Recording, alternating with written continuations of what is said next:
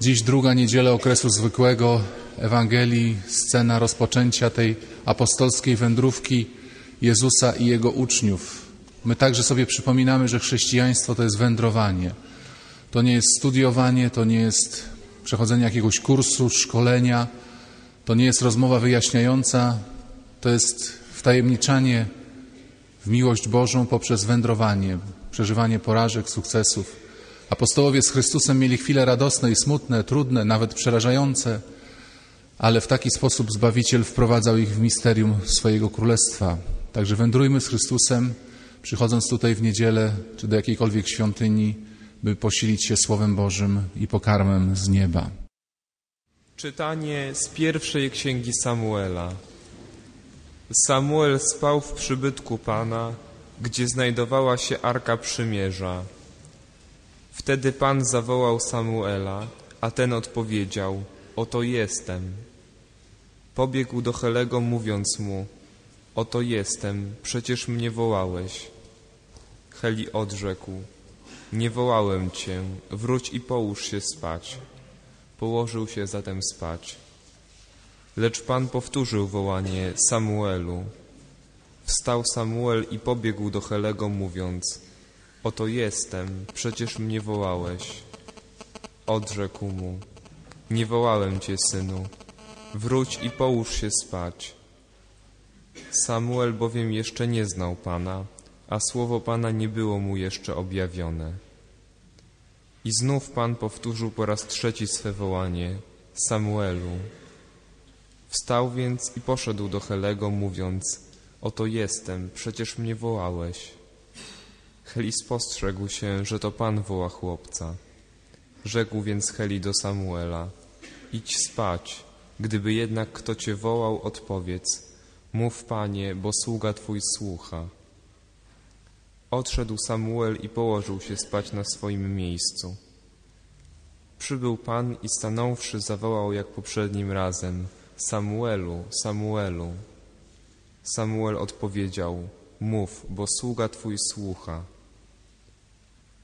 Samuel dorastał, a Pan był z nim. Nie pozwolił upaść żadnemu jego słowu na ziemię. Oto Słowo Boże. Czytanie z pierwszego listu świętego Pawła apostoła do Koryntian. Bracia, ciało nie jest dla rozpusty, ale, ale dla Pana, a Pan dla ciała. Bóg zaś i Pana wskrzesił i nas również swą mocą wskrzesi z martwych.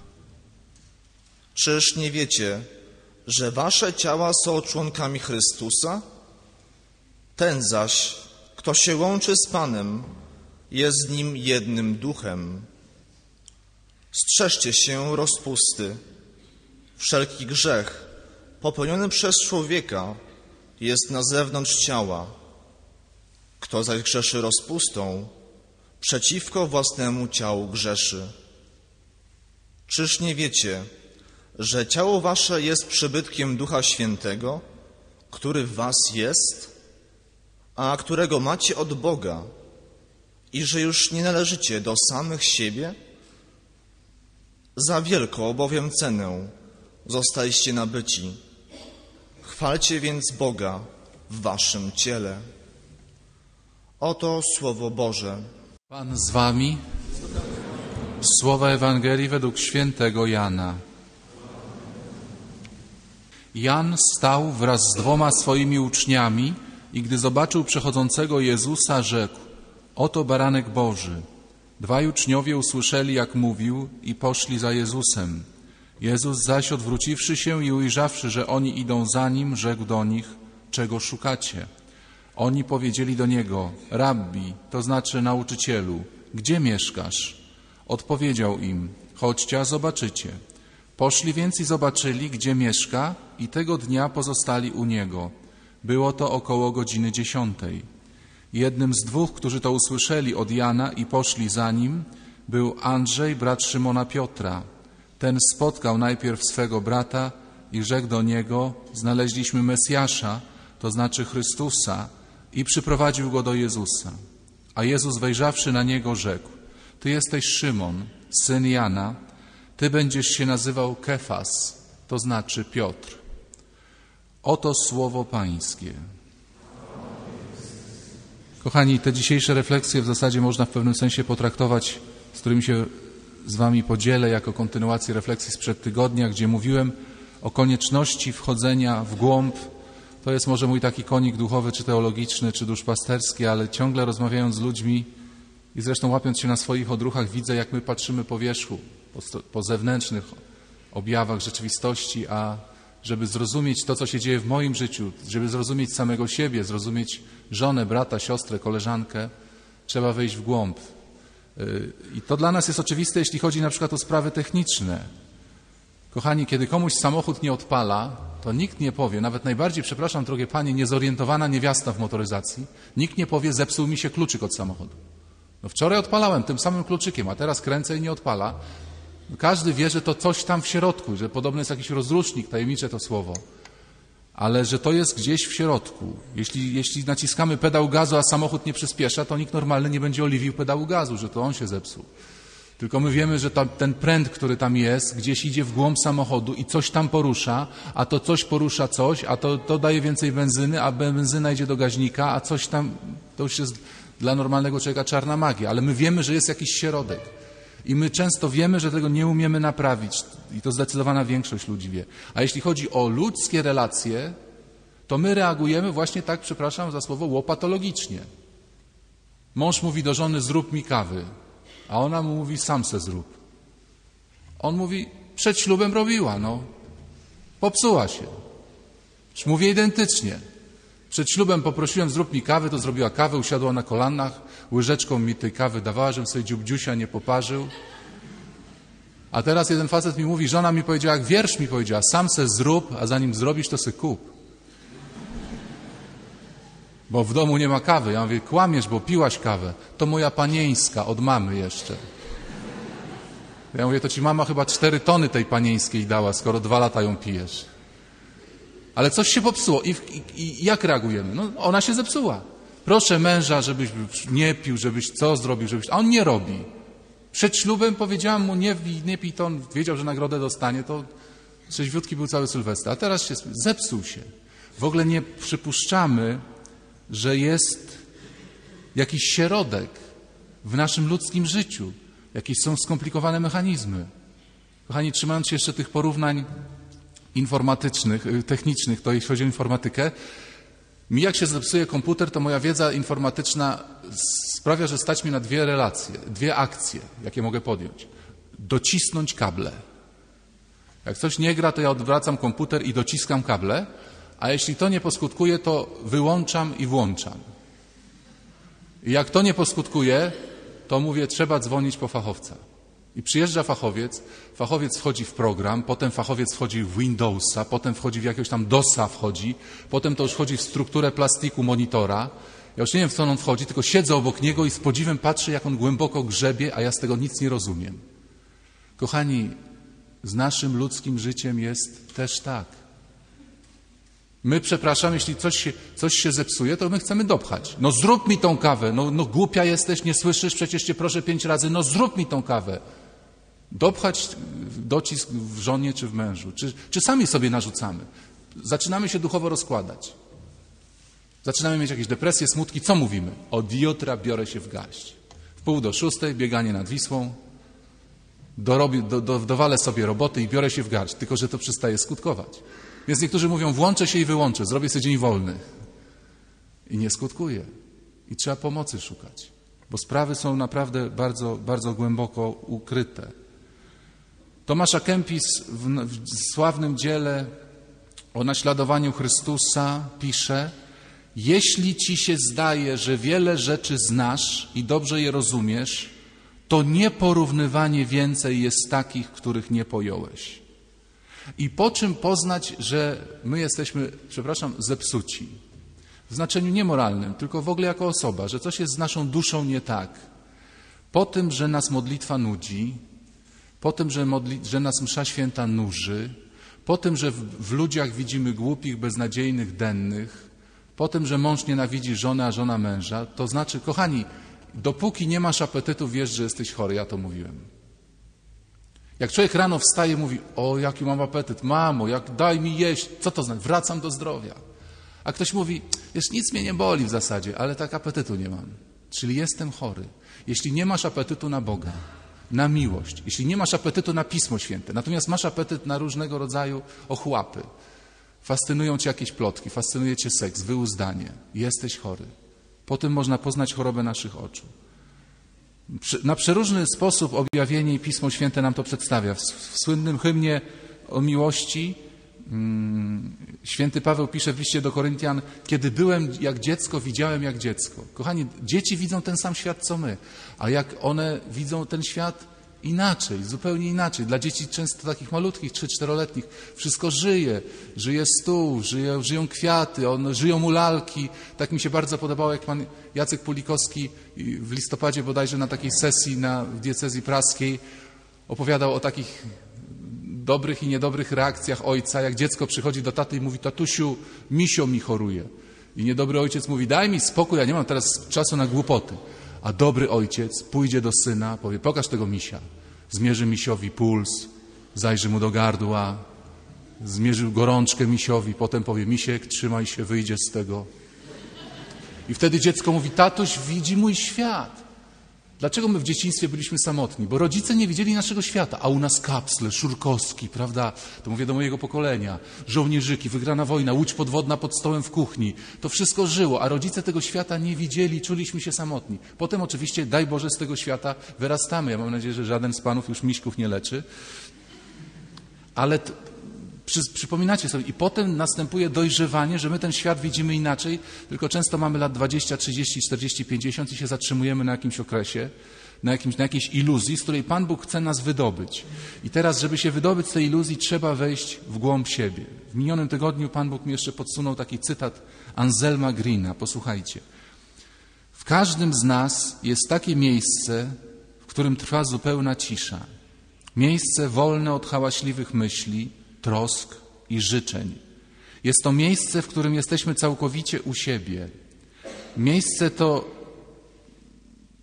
nie jest e, zamęczone żadnymi myślami.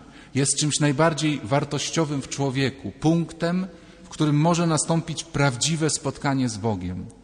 Do tego miejsca milczenia musimy dotrzeć. Nie musimy go stwarzać. Ono w nas jest, tylko zasypane gruzem naszych myśli. No tę myśl wielokrotnie w innych słowach tu Państwu przedstawiałem. Zanim dojdziesz do wniosku, że się żona zepsuła, zanim dojdziesz do wniosku, że się małżeństwo zepsuło, wejdź w głąb siebie i przetrzyj soczewki swoich okularów. Ilu ludzi, którzy noszą okulary, jak mają coś ważnego obejrzeć, u jubilera kupują pierścionek, krzyżyk, łańcuszek złotych, chcą to dobrze, to zaczynają od wycierania okularów, bo ja to muszę dokładnie zobaczyć. Kiedy oglądamy z rzutnika jakiś film na ścianie i nagle jakaś plamka, to zaraz, to się zaczynamy zastanawiać, czy ta plamka jest na ścianie, czy ta plamka jest na obiektywie. Bo plamka może być na obiektywie. Otóż my mamy plamki na obiektywie naszego serca, a widzimy te plamki na żonie, na mężu, na drugim człowieku.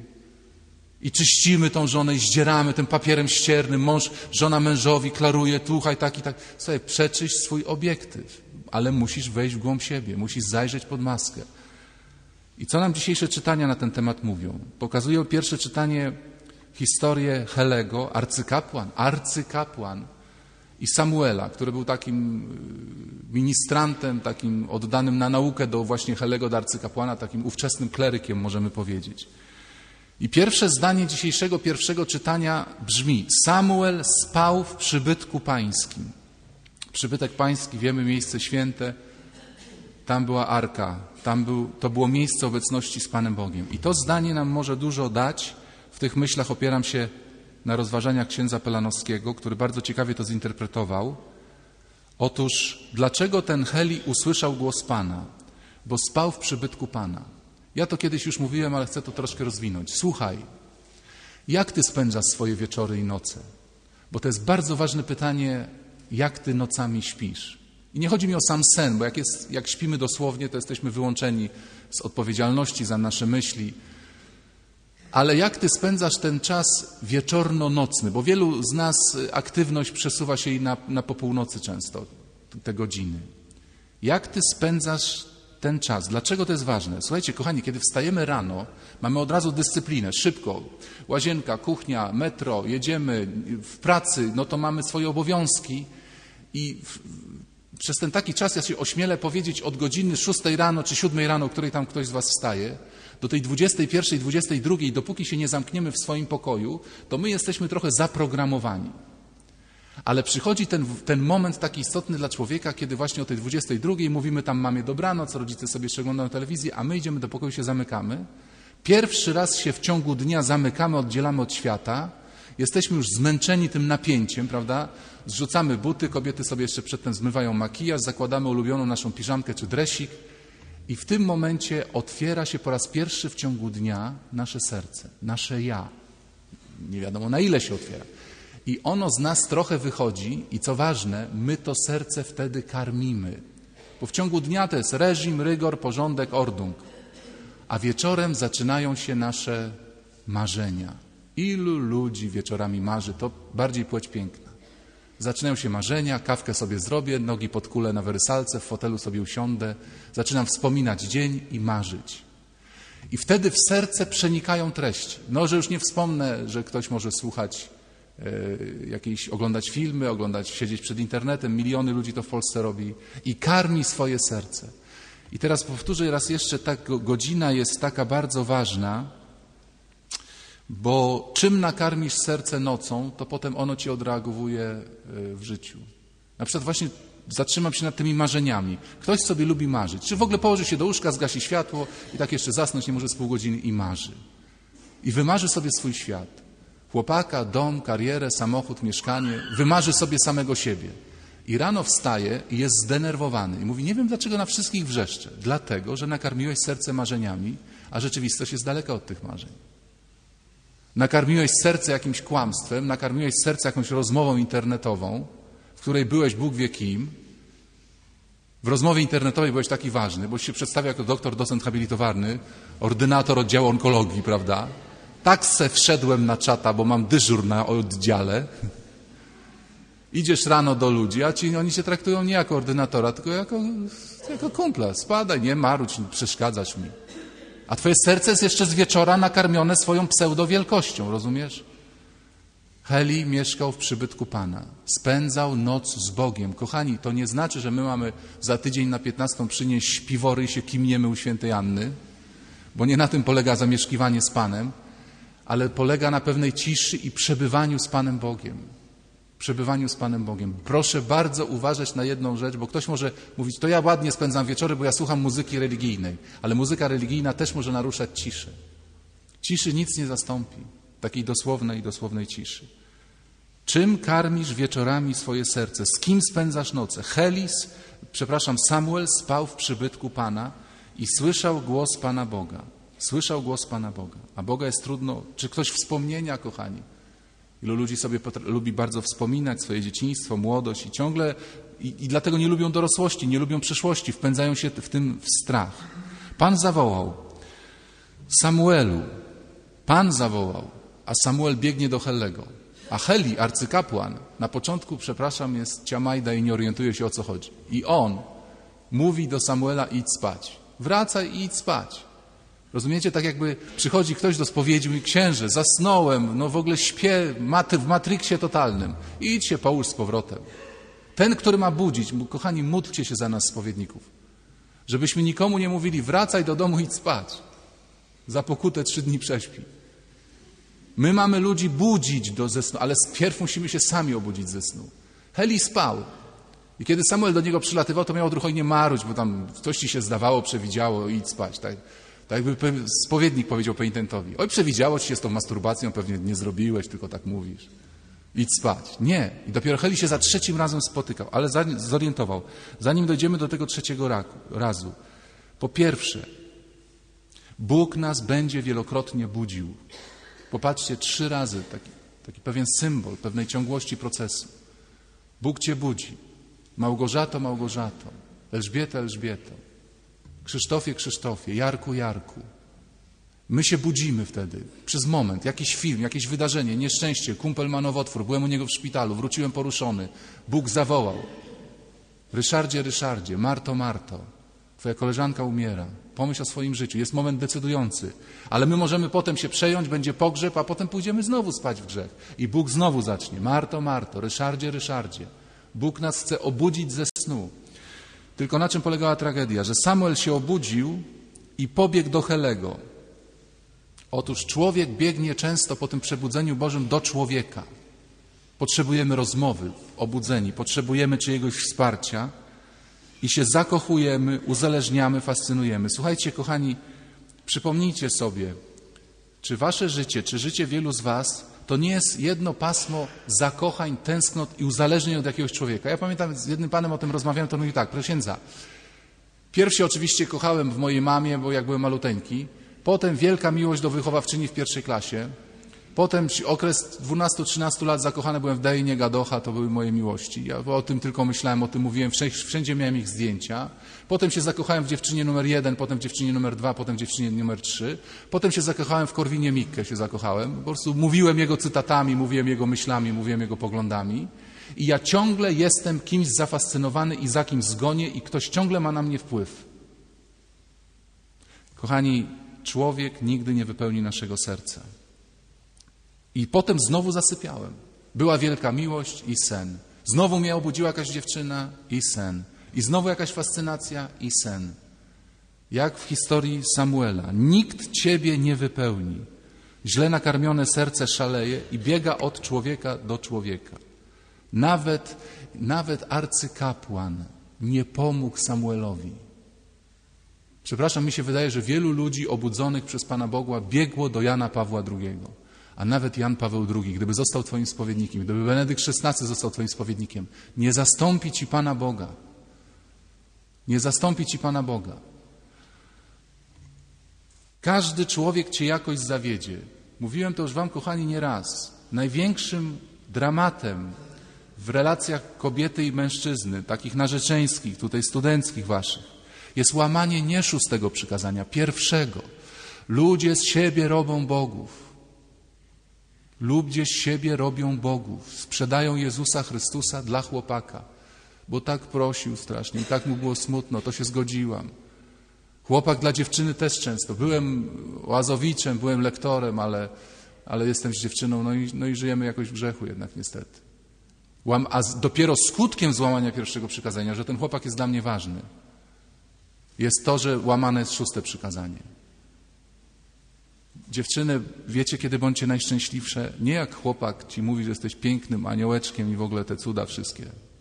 Jak się modli. Jak ty zobaczysz swojego chłopaka, jak on się głęboko modli, to ty powiedz, Panie Boże, dzięki, naprawdę dzięki. Że on ma Boga tam, gdzie jest Bóg, prawdziwego Boga. To jest właśnie to, że my się nie przyjmujemy, że byłem z chłopakiem w górach, całą niedzielę żeśmy sobie poszli, czerwone wierchy, Tatry Zachodnie i on w ogóle nic nie powiedział przy świętej. To jest zły znak, kochani. To jest zły znak. Że On Boga zrobił ze mnie, bo całą podróż mi pokazywał góry, Tatry, Podhale, karmił mnie kanapeczkami i w ogóle trasę obmyślał. A Bóg, ten, który składa ofiarę eucharystyczną za nas w Kościele, poszedł na bok. To jest tragedia, że my z ludzi robimy Boga. Z, z księdza, ze spowiednika też uważajcie na to. My jesteśmy tylko ludźmi, omylnymi ludźmi. A w końcu musimy powiedzieć, to latanie za ludźmi, za człowiekiem, Proszę Państwa, ile dziewczyn idzie przed Najświętszy Sakrament, klęka przed Chrystusem, patrzy na hostię i mówi, oj, jak ja tęsknię za jakimś chłopakiem. Ja nie wiem, co ten Pan Jezus wtedy czuje, ale naprawdę to jest często taka opcja. Jakby ktoś przyszedł do Ciebie i powiedział, Halina, coś Ci chcę powiedzieć, no, ale mi się Beata podoba. Jak ja za Beatą tęsknię. To po coś się ze mną na kawę umawiał, żeby Ci to powiedzieć. Bo Ty jesteś trochę do niej podobna, tylko masz nos bardziej krzywy.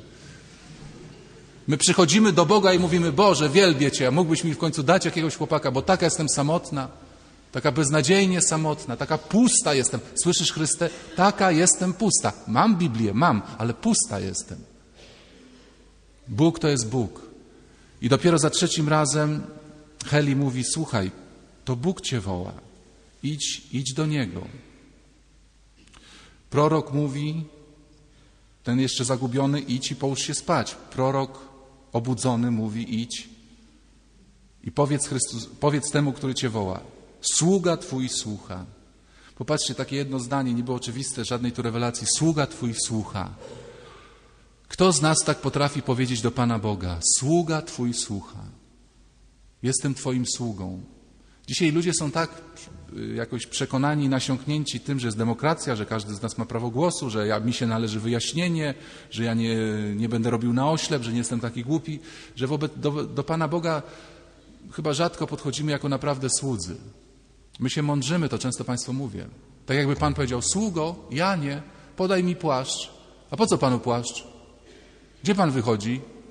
Kurtkę Panu podam. A w ogóle niech Pan siedzi w domu, Panie hrabio. Każdy powiedział, ty, co Ty się tu mądrzysz? Kazałem Ci podać płaszcz. Kochani, ja wiem, że każdy, każdy przepis moralny chrześcijański ma swoje uzasadnienie rozumowe, ale wiele tych uzasadnień jest dość subtelnych i skomplikowanych.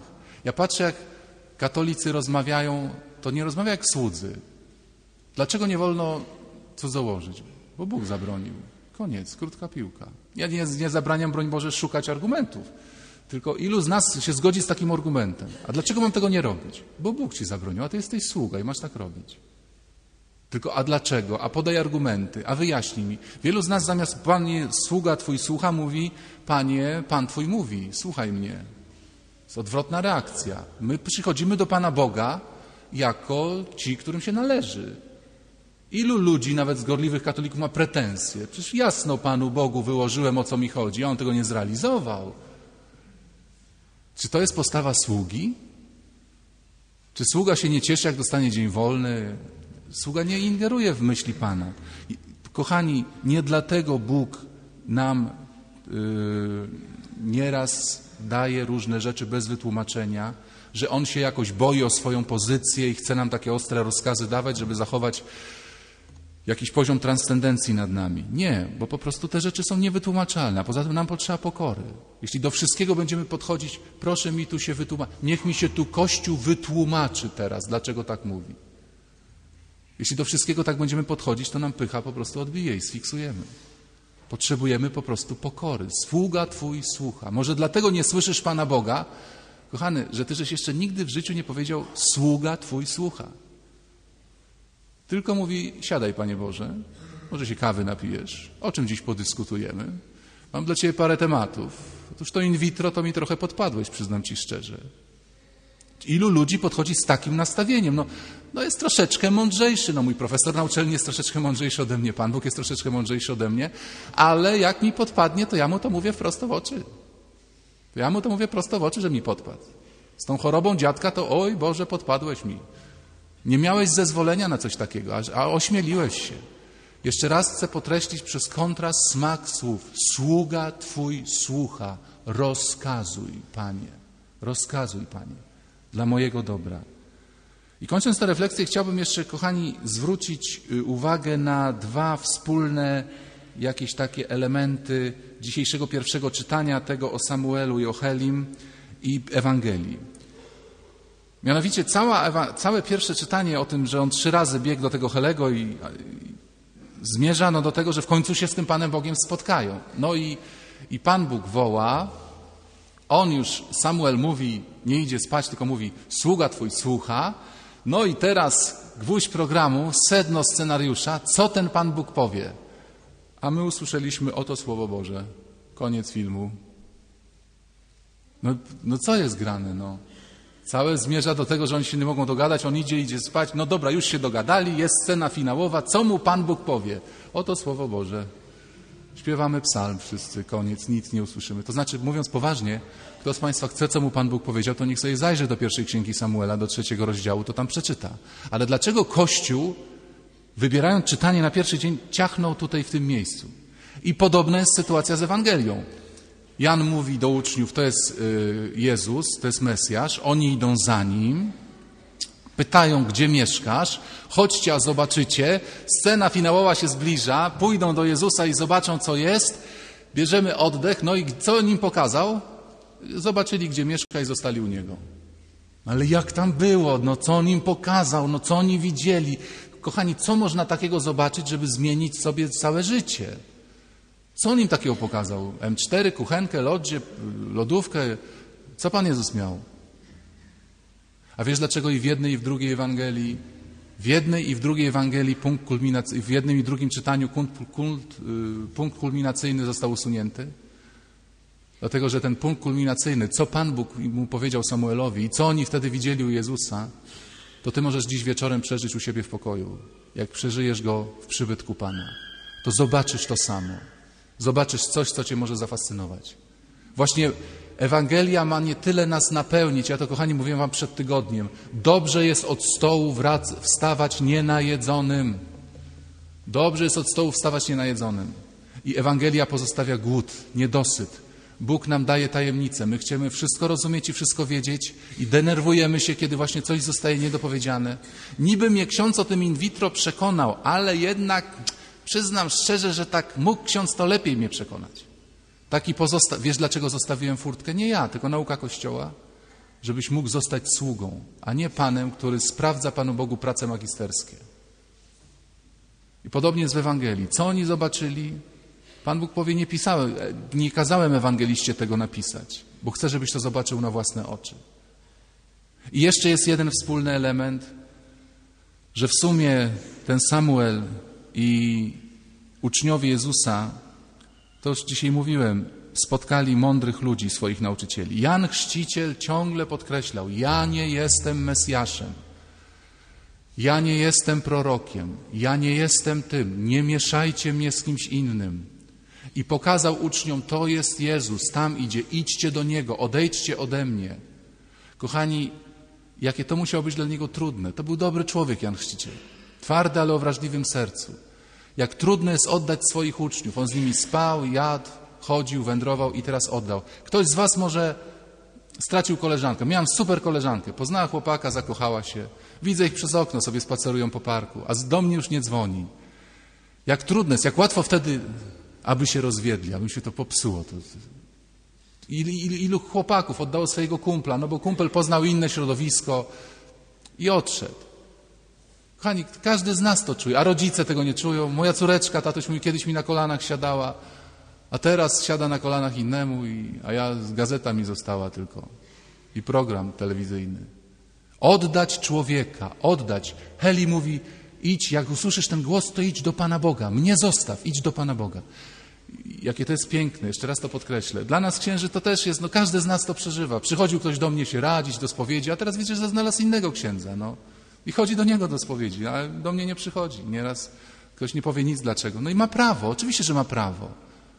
Może ktoś chodził na 15 do świętej Anny, a teraz już doszedł do wniosku, że są jezuici, są dominikanie i tam coś więcej usłyszy i ma prawo. Proszę kiedyś mi ksiądz pomógł, ale teraz, potem już było to dla mnie za płytkie. Ja jestem odpowiedzialny za piętro 2-4, no.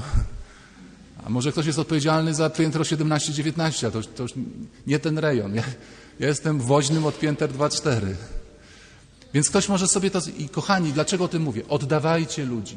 Ile tragedii, że rodzice nie chcą oddać córki i syna. Jak usłyszysz w nocy głos, przylatuj do mamuni. Przylatuj do mamuni, synku. I ile kobiet, jak się pokłóci w nocy z mężem, to gdzie dzwoni? Do mamy. Z komórki w łazience. A zostaw, zostaw, pozwól odejść człowiekowi.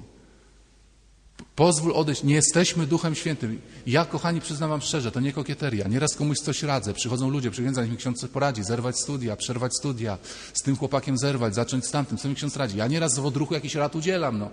A potem mówię, Jezu, czy ja dobrze powiedziałem? Mnie się ten brunet bardziej podobał, ale... Ale czy ja dobrze powiedziałem? No, no, no to, co kiedyś wam mówiłem, przyjdzie do ciebie koleżanka, powie na co iść, na anglistykę czy afrykanistykę? Każdy z nas powie, Jezu, po co ci afrykanistyka? Idź na anglistykę. A skąd wiesz, że Duch Święty właśnie jej afrykanistyki nie przeznaczył?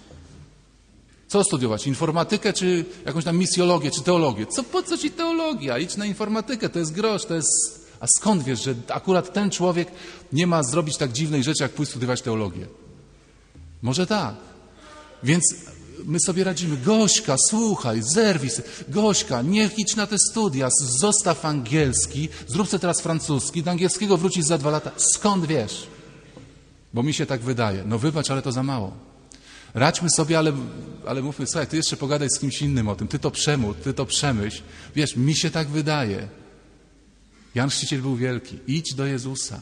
Został sam, w więzieniu skończył w samotności, ale przez to umożliwił rozwój swoim podopiecznym. Żeby poz pozwolić na rozwój swoim podopiecznym, przyjaciołom, trzeba ciągle dawać im wolność. My chcemy nieraz uzależnić kogoś od, od swoich rad, zarzucić. I te telefony wieczorami właśnie pracują, kiedy nasze serce się budzi i wychodzi z siebie, to telefon do jednego przyjaciela, do drugiego. Dzwonimy po to, żeby komuś poradzić, żeby coś usłyszeć, a to wszystko może być programowane jakąś chorobą serca. Także bądźmy wolni. Pan Jezus też nam daje tę wolność. Dzisiaj na końcu mszy nas pobłogosławi i powie: idźcie, kochani, zamieszkajcie wieczorami w moim przybytku, słuchajcie mojego głosu, nie uzależniajcie się od siebie. Sam Bóg wystarczy. Pamiętajcie ten refren śpiewu z Teze. Sam Bóg wystarczy.